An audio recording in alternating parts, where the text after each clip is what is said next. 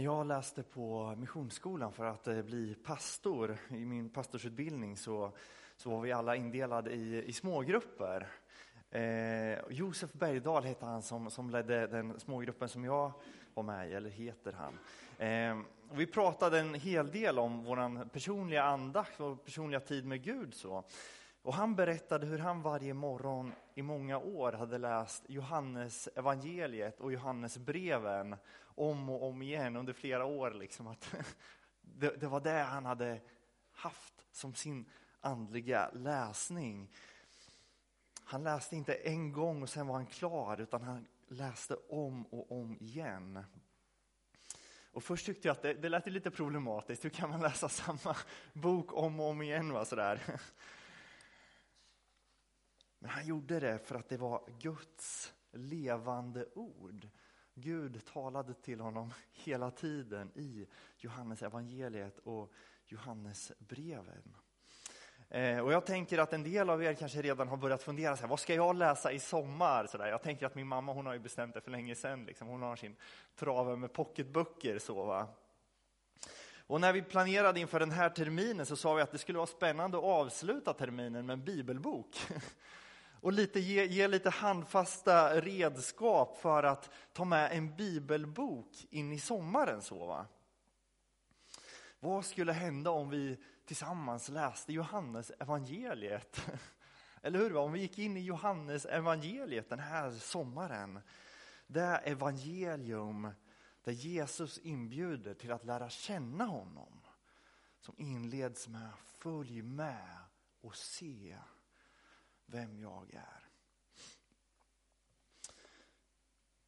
Så Kristin hon inledde förra veckan det här temat som vi håller på med under fyra veckor. Och jag har kollat lite på, på internet, så där, kollat lite, vad, vad brukar ett predikotema över Johannes evangeliet innehålla? Så ramlade jag in på en, en predikant som heter John Piper. Han predikade genom en amerikansk predikant, han predikade genom Johannes evangeliet så höll han 70 predikningar, en serie på 70 predikningar. Va? Det är väl snudd på två år kanske med lite uppehåll sådär va. Saftigt.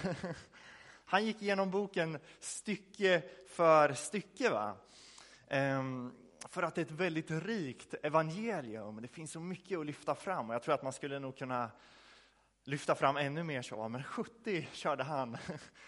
Ehm, och våran idé är såklart inte att försöka täcka upp hela Johannes evangeliet så, utan snarare försöka introducera några några bra, viktiga teman i Johannes för att skicka med några redskap in i, in i din personliga läsning av Johannes evangeliet. Och förhoppningsvis så lyckas vi inspirera någon till att, att läsa Johannes va? och någonstans väcka några av de frågor som Johannes driver. Så. Vi har ju fyra evangelier och tre av dem är ju ganska lika, Matteus, Markus och Lukas är ganska lika både till stil och innehåll. Men när man kommer till Johannes så är det ett ganska annorlunda evangelium. Det har mycket undervisning som är unikt. Det finns inga liknelser till, till exempel i Johannes. De andra evangelierna har mycket liknelser. Va? Det finns inga demonutdrivningar. Det finns ingen berättelse om Jesu födelse och Jesus instiftar inte nattvarden på samma sätt som han gör i de andra evangelierna. Utan Johannes, det sticker ut på många sätt. Va? Och idag ska vi svepa över ett, ett större avsnitt. Vi ska kolla på kapitel 2 till kapitel 12. För att vandra med dem som möter Jesus. Man delar ofta in Johannes i två delar. Den första delen som handlar om det Jesus möter människor och gör tecken. Fram till kapitel 12 och sen efter, från och med kapitel 13, som handlar om, Johannes, eller om Jesus sista kväll tillsammans med sina lärjungar. Hans sista ord till lärjungarna och hans död och hans uppståndelse. Så idag så ska vi spana över kapitel 2 till kapitel 12 ett övergripande studium.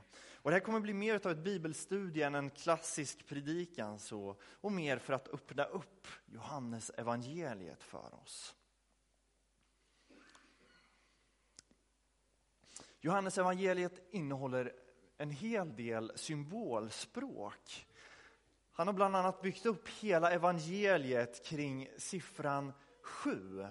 Han låter till exempel Jesus säga sju stycken jag är.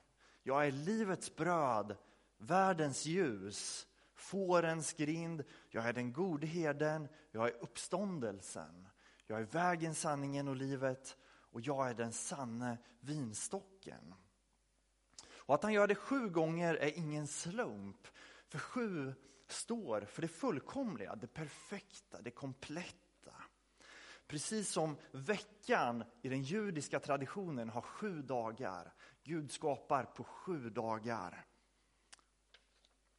så använder Johannes sju bilder för vem Jesus är. På samma sätt så låter han Jesus göra sju under.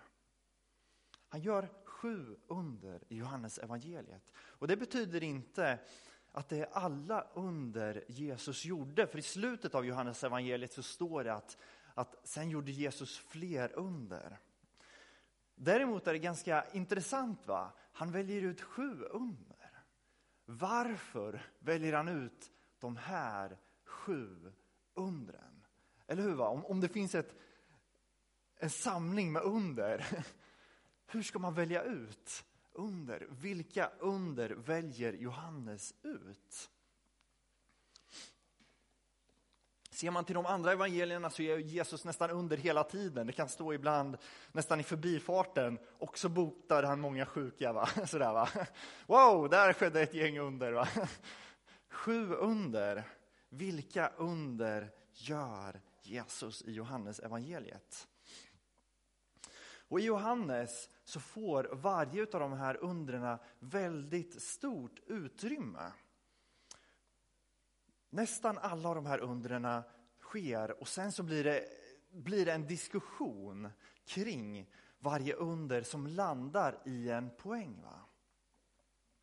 Så de under Johannes berättar om är noga utvalda. De sju undren som Jesus gör, om vi kan få upp de här. Det första han gör är att han gör vatten till vin i kapitel 2.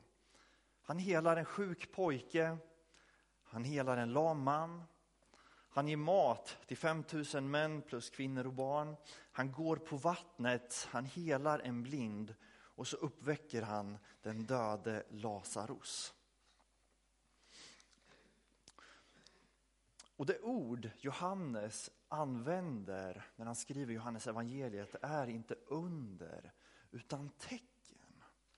Så varje av de här undren är ett tecken för någonting större. Ett tecken för någonting bakom eller bortom själva undret. Och här ska vi stanna till lite grann. I Johannes har tecknen en viktig roll. De talar till oss, de säger någonting.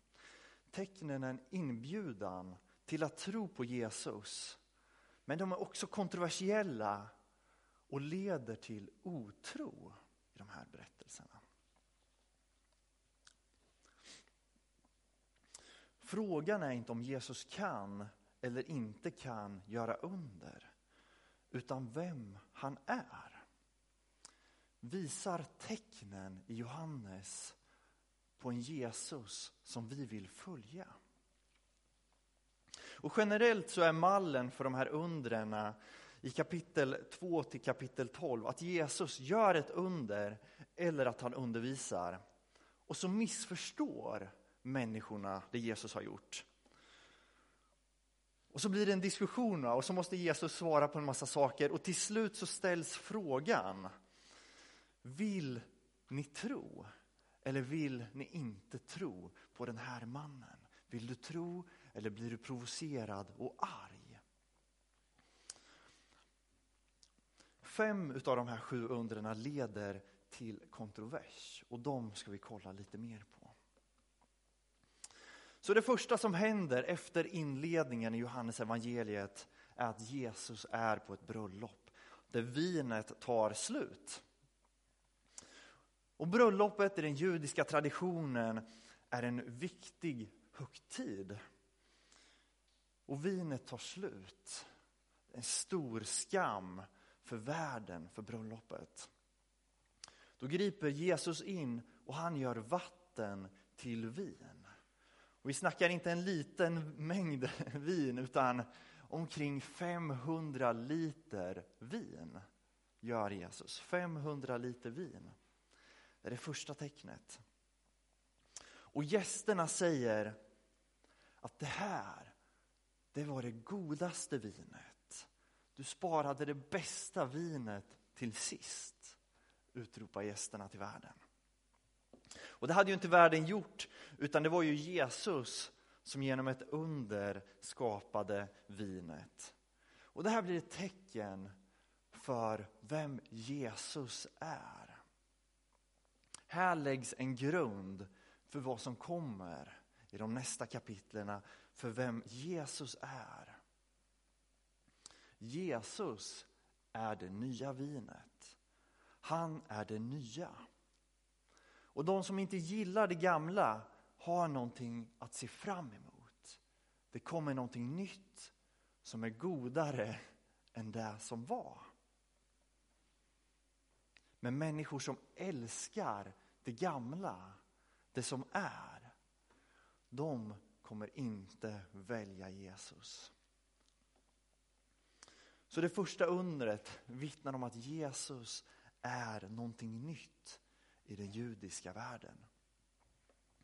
Sen så står det att Jesus rensar templet, han träffar Nikodemus under natten och så möter han den samariska kvinnan. Händelser vi inte går in på nu. Men så hela Jesus en, en sjuk pojke som ligger för döden. Det andra undret. Här uppstår inte en diskussion. Utan det här är det första utav tre under som visar att Jesus är Herre över döden. Och sen möter Jesus en lam man under sabbaten. Dagen då man inte får arbeta. Man fick inte ens laga mat på sabbaten utan man var tvungen att göra det dagen innan. Va? Men Jesus ser den lame mannen och så helar han den lame mannen. Då blir de religiösa ledarna arga. Man får inte arbeta på sabbaten. Men Jesus svarar, det är min fader som arbetar på sabbaten. Därför gör också jag det. Och det är just det här att Jesus kallar Gud för sin fader. Att han gör sig jämlik med Gud. Som provocerar de judiska ledarna som kommer fram till att de vill döda Jesus. Det står så här i 5 och 18. Då blev judarna ännu ivrigare att döda honom eftersom han inte bara upphävde sabbatsbudet utan också påstod att Gud var hans far och därmed jämställde sig med Gud. Vad säger det här undret om vem Jesus är? Jo, att Jesus står över lagen och att Jesus under är Guds under. Det utmanar dem som inte tror att Jesus är Gud. Judarna tror inte det och där föds oro.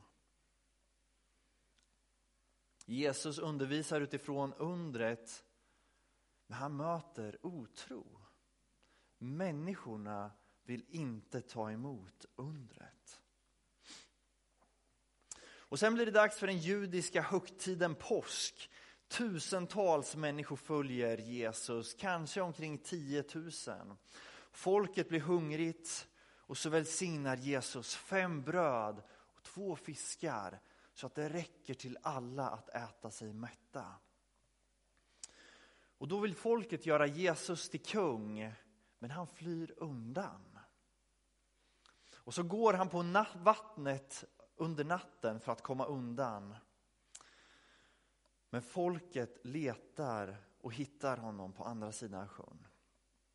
Och precis som det andra undret där Jesus botar den sjuke pojken som ligger för döden så är att han går på vattnet en bild för att Jesus är herre över döden. Döden som symboliserar, eh, vattnet som symboliserar den okontrollerade döden va? går Jesus på. Det andra undret om att han besegrar döden. Skapar inte heller, heller en kontrovers. Men att han gör bröd till vin återkommer de till när folket kommer ikapp honom på andra sidan sjön. Och så börjar Jesus undervisa folket och till slut vill folket ha mer bröd. Och då säger Jesus, jag är det brödet. Ät av mig så får ni evigt liv. Och folket svarar med, är du galen? Äta din kropp. Jesus är Gud. Han ger folket mat. Han är större än Mose. Han är den som ger brödet från himlen. Men det här undret provocerar. Och till och med lärjungarna börjar tvivla. Det står så här i 6, 61-62. Jesus som genast förstod att lärjungarna förargade sig över hans ord, sa till dem, får det här er att vackla? Hur blir det då om ni får se Människosonen stiga upp där han var förut? Och så står det att då lämnade många honom. Och kom ihåg temat för de här undren. Det tvingar fram ställningstaganden. Och många lämnade Jesus. Så står det att Jesus går till templet och undervisar och i kapitel 9 så finns en blindfödd man som Jesus möter. Och någon frågar om det är ett straff ifrån Gud att den här mannen inte kan se. Men Jesus svarar att nej, det är inte ett straff ifrån Gud. Och så botar han den här mannen. Och efter det här undret så sker en ganska utdragen dialog. En blind kan se. Vad händer då? Kommer människor till tro för att Gud har gripit in? Nej, det uppstår en diskussion. Först börjar människorna kolla med hans föräldrar, eller med hans grannar. Är den här mannen, är det tiggaren som var blind? Och några av grannarna säger, ja det är han. Men några av grannarna säger, nej det är inte han, men han är lik honom. Så då tar de med mannen till fariseerna och så frågar de för att avgöra om det är Gud som har handlat. Är det Gud som har helat den här mannen? Så står det så här i, i 9, 16-17. Några fariseer sa, mannen han talar om är inte sänd av Gud, alltså Jesus. Han är inte sänd av Gud, han håller inte sabbaten. Men andra sa, hur skulle en syndare kunna göra sådana tecken? Och de var alltså oeniga. Och därför frågar de den blinde en gång till, vad tror du själv om honom eftersom han öppnade dina ögon? Han svarade att han är en profet. Och frågan i den här texten blir, vad väger tyngst? Tecknet eller att Jesus bryter mot sabbaten? Och judarna tror fortfarande inte att mannen har varit född blind. Så de går och frågar hans föräldrar. Och föräldrarna svarar att jo, men han har varit blind sedan födseln. Men fortfarande kan inte fariseerna ta emot det, utan de går igen för att fråga mannen om hur han kan se. Och så säger de till honom, men ge Gud äran istället för att ge Jesus äran, för Jesus är en syndare. Så svarar mannen som var blind, att om han är en syndare, det kan inte jag avgöra. Men jag vet att tidigare var jag blind, men nu kan jag se. Fariseerna frågar igen, vad gjorde Jesus? Och mannen svarar, ja men det har jag redan sagt, men ni vill inte höra. så förklarar fariséerna att de följer Mose. Att det är bättre och finare att följa Mose, men att Jesus inte följer Mose. Och då svarar mannen att Gud tydligen verkar genom Jesus och att fariseerna är förblindade av sin religion. Men Jesus, han är sänd av Gud eftersom han gör Guds gärningar. Hur svarar fariseerna på det? Jo, de kör ut Jesus. Och här är en nyckel för att förstå vad som sker. Jesus öppnar ögonen för de som är blinda. Men de som menar sig se förblir blinda. Det är omöjligt att tro för dem som menar sig se. De som tror att de ser, de kan inte tro. Jesu gärningar måste vara påhittade. Och till slut söker Jesus upp den utkastade mannen som var blind men som har fått sin syn tillbaka och så berättar han att han är Messias. Och så väljer mannen att följa Jesus istället för fariseernas lära. I 9.39 står det så här. Jesus sa, till en dom har jag kommit hit till världen för att de som inte ser ska se och att de som ser ska bli blinda. Jesus förklarar sitt uppdrag. Jag har kommit för att döma världen. De som ser ska bli blinda, men de som inte ser ska se. Och det här undret följs av det sista undret där judarna fattar sitt definitiva beslut om att döda Jesus. Lazarus är död. Han har varit död i fyra dagar.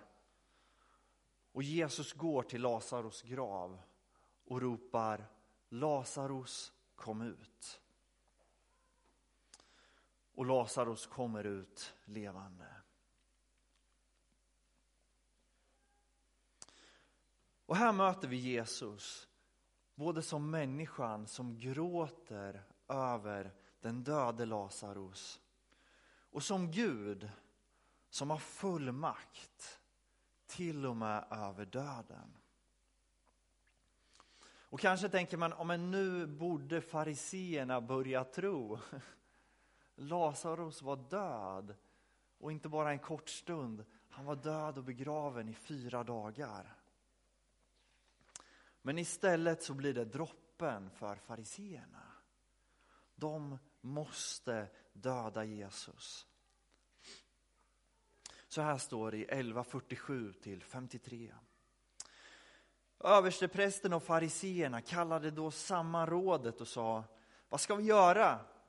Den här mannen gör många tecken. Om vi låter honom fortsätta börjar alla tro på honom och då kommer romarna och utplånar både vår heliga plats och vårt folk. En av dem, Kajafas, som var överstepräst det året, sa till dem, ni förstår ingenting. Ni fattar inte att det är bättre för er att en enda människa dör för folket än att hela folket går under. Detta sa han inte av sig själv, utan som överstepräst det året talade han profetiskt. Jesus skulle dö för folket, och inte bara för folket, utan också för att Guds skingrade barn skulle samlas och bli ett. Från den dagen var de fast beslutna att döda honom. Och nu går allting väldigt snabbt i Johannes evangeliet. Han håller un sig undan en tid, men så rider han in i Jerusalem och några dagar senare så är han död.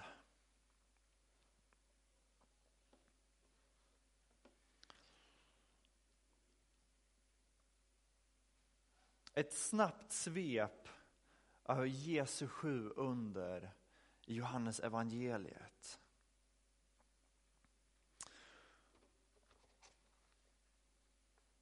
Jesus är det nya vinet. Jesus står över Mose lag. Jesus är livets bröd som vi hungrar och törstar efter. Han ger de blinda synen, men de som menar sig se blir blinda. Och så uppväcker han den döde Lazarus och blir jämställd med Gud.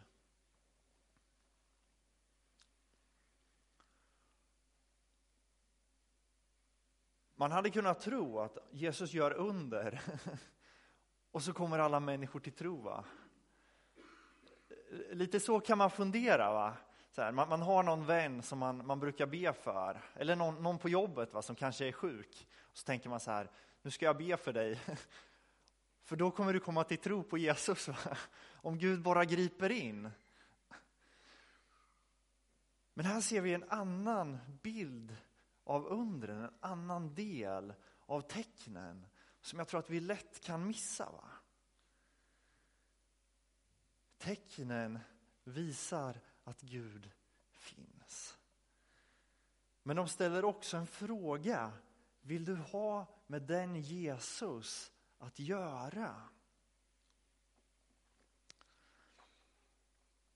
Om Gud bara kunde göra ett under så skulle alla tro. Men är det så enkelt?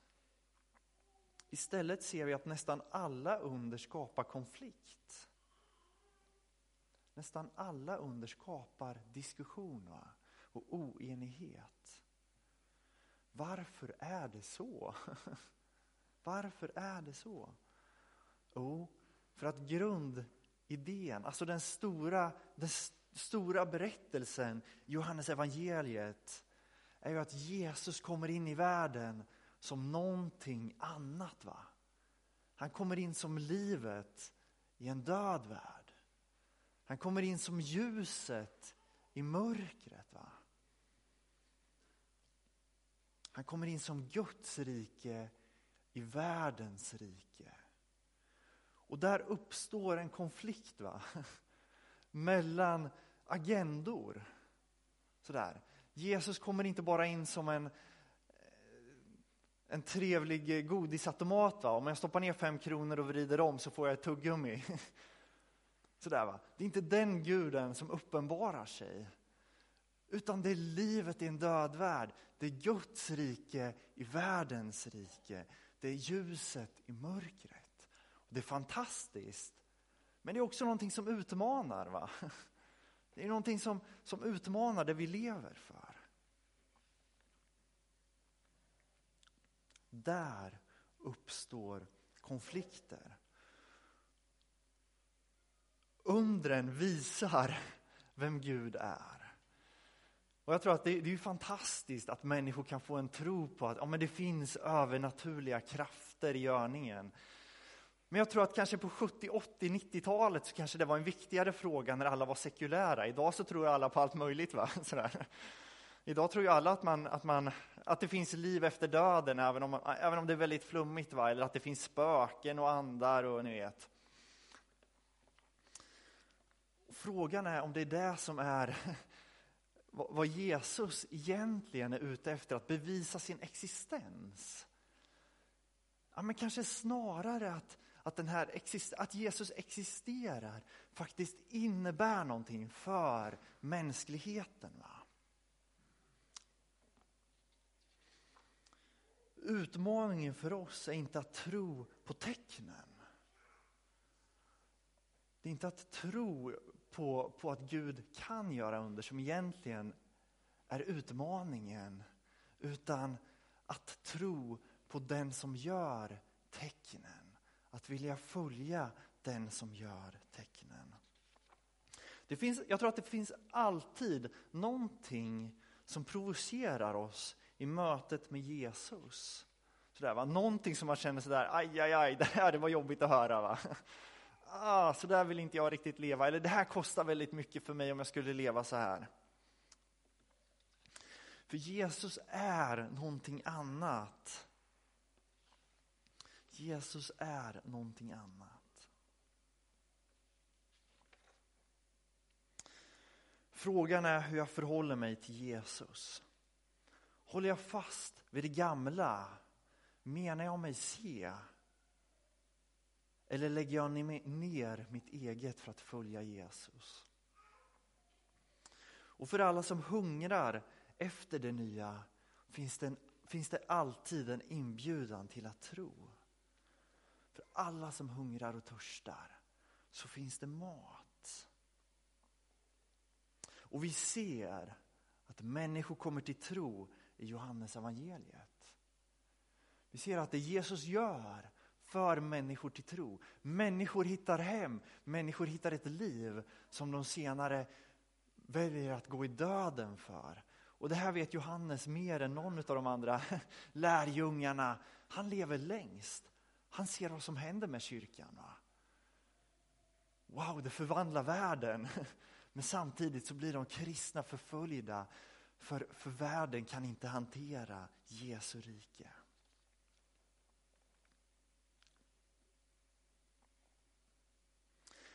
Jesus gör sju under för att människor ska tro.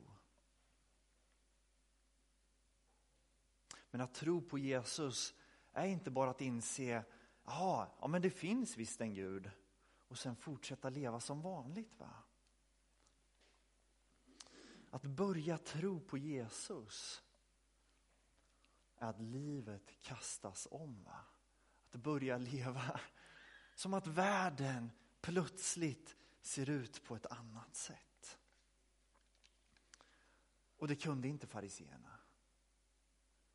Det kunde inte fariseerna. De kunde inte hantera det.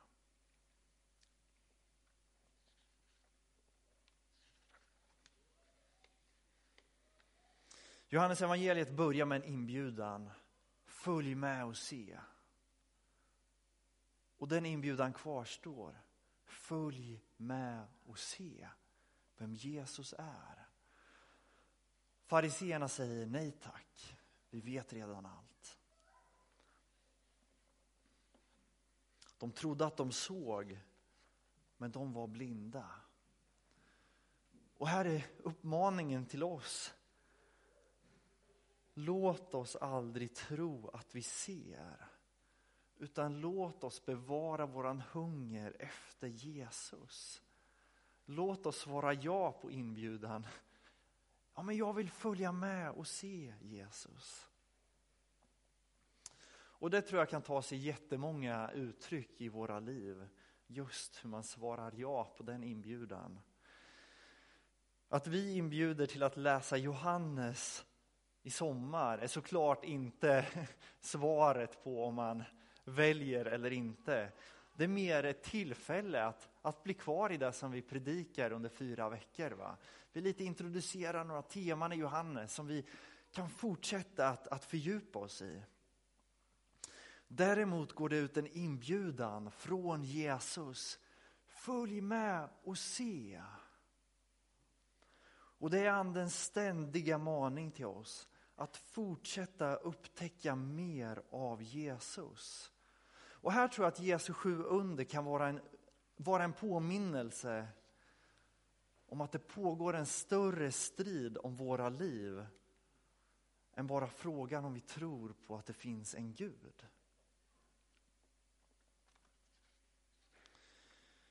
Hur bemöter vi våra omständigheter? Ger vi utrymme för tro eller otro?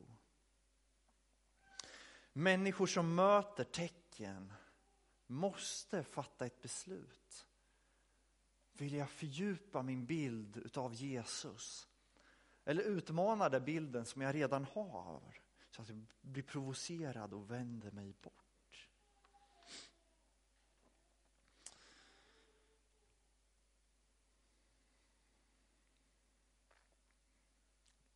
Varje av de här undren skulle man såklart kunna utlägga väldigt mycket mer. Men vi har bara skrapat på ytan för att lite se det här övergripande temat. Va? Sen, sen tror jag att, att, när man läser det här själv så, så ser man, ja det här utmanar det här undret i mig. Va? Det, det, finns så mycket diskussion kring varje av de här undren så att man skulle kunna utlägga dem väldigt mycket så. Va? Men min förhoppning med, den här, med det här bibelstudiet har varit att någonstans ge, ge, ge några idéer kanske som kan berika din läsning. Va? nästa gång du läser Johannes så, bara, så kanske du har med dig någonting va, som, som, som låter dig sätta de här sakerna i någon typ av större perspektiv. Johannes är en bok som du kan möta Jesus i om och om igen. Vi ber tillsammans. Tack Jesus för att du är en, en god Gud som griper in i våran värld, Herre. Du ser allt mörker, eh, död, lidande, makter som inte är goda Jesus. Eh, tack för att du griper in i den här världen för att ditt goda ska få råda, Herre. Och Jesus, du ser våra liv, eh, där mörkret har grepp om oss, Jesus. Jag ber Herre att vi ska få ta emot ännu mer av din frihet Jesus. Jag ber Herre att du ska få ge oss synen att avslöja mörkrets makter i våra liv Herre. I våran omgivning, i, i Rimforsa, i, i Sverige idag Jesus. Jag ber om det Herre. Jag ber Herre att vi ska få se mer utav dig Herre. Att vi inte ska vara inkrökta i oss själva. Utan att vi ska få följa med och se ännu mer utav vem du är. Precis som Johannes som har levt länge har sett mycket av dig så ber jag att vi ska få leva länge och se mer av dig Jesus. Och vad du har för den här världen Jesus. Jag ber om det. Och Jesus, jag ber också att vi ska få se fler under ske i våran gemenskap. Jag ber om det, Herre. Och inte för att det ska vara häftigt och spektakulärt, utan för att undren visar vem du är. Att du är livet i en död värld. Att där sjukdomar finns så griper du in. Där utsatthet finns så kommer du med din godhet att förändra situationer. Jag ber om det här, att vi ska få se fler under ske för att påminnas om vem du är. Att få se att ditt rike är i görningen. Lära känna dig. Vi ber om det i Jesu namn. Amen.